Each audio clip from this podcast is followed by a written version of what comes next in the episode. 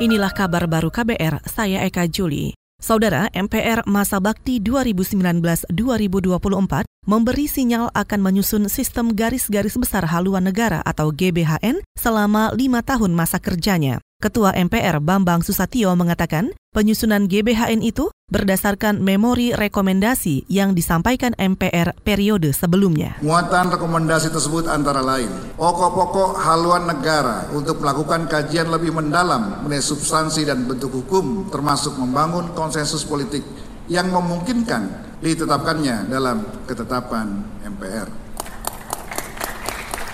Bambang Susatyo juga menambahkan, MPR juga akan mengkaji penataan sistem ketatanegaraan, meliputi penataan kewenangan MPR, kewenangan DPD, sistem presidensial, kekuasaan kehakiman, penataan sistem hukum dan peraturan undang-undang berdasarkan Pancasila. Dan untuk menindaklanjuti semua itu, MPR akan membentuk badan-badan yang terdiri atas badan sosialisasi, pengkajian, penganggaran, dan unsur pendukung tugas MPR, yaitu Komisi Kajian Ketatanegaraan. Kita ke soal lain, Pencemaran udara termasuk salah satu kategori pelanggaran hak asasi manusia. Komisi Nasional Hak Asasi Manusia menyatakan hal itu merespon pencemaran udara yang terjadi di sejumlah wilayah, baik karena kebakaran hutan dan lahan, juga akibat polusi asap buangan kendaraan. Kepala Biro Perencanaan, Pengawasan Internal dan Kerjasama Komnas HAM, Esrom Hamonangan mengingatkan, Undang-Undang HAM menyebutkan setiap orang berhak atas lingkungan hidup yang sehat. Sebenarnya ini bisa diaju, bisa diadukan ke Komnas HAM dan Komnas HAM sebenarnya kalau dia benar-benar nih bisa membawa ke pengadilan Pak, mendaftarkan menurut undang-undang ini. Nah, jadi masalah HACE ini diadukan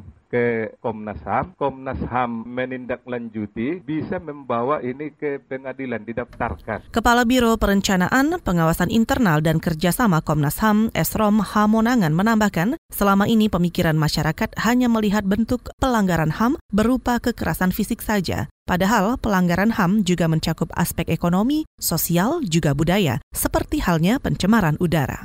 Saudara DKI Jakarta kembali menempati peringkat kedua sebagai kota dengan kualitas udara terburuk di dunia pada Jumat pagi ini. Peringkat itu naik dibandingkan Kamis kemarin yang menempati peringkat keempat. Dari data airvisual.com, pada pukul 6.30 waktu Indonesia Barat, kualitas udara Jakarta mencapai angka 187 berdasarkan indeks kualitas udara dengan status udara tidak sehat. Sementara itu, kualitas udara terburuk pertama ditempati Hanoi di Vietnam dengan nilai cukup tinggi, yakni 204, berdasarkan indeks kualitas udara. Pada posisi ketiga ditempati kota Kuwait di Kuwait, disusul Kuala Lumpur di Malaysia, dan Astana di Kazakhstan.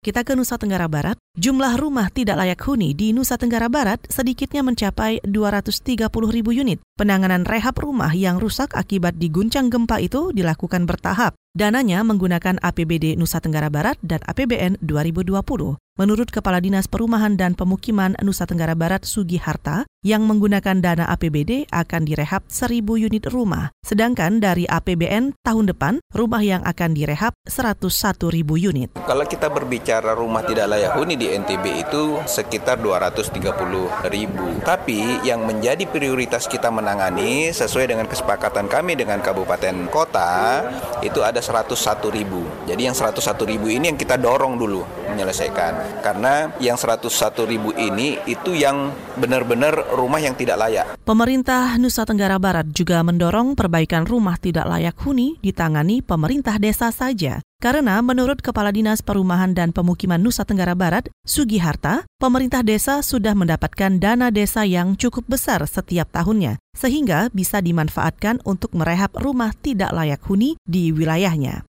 Saudara demikian kabar baru, saya Eka Juli.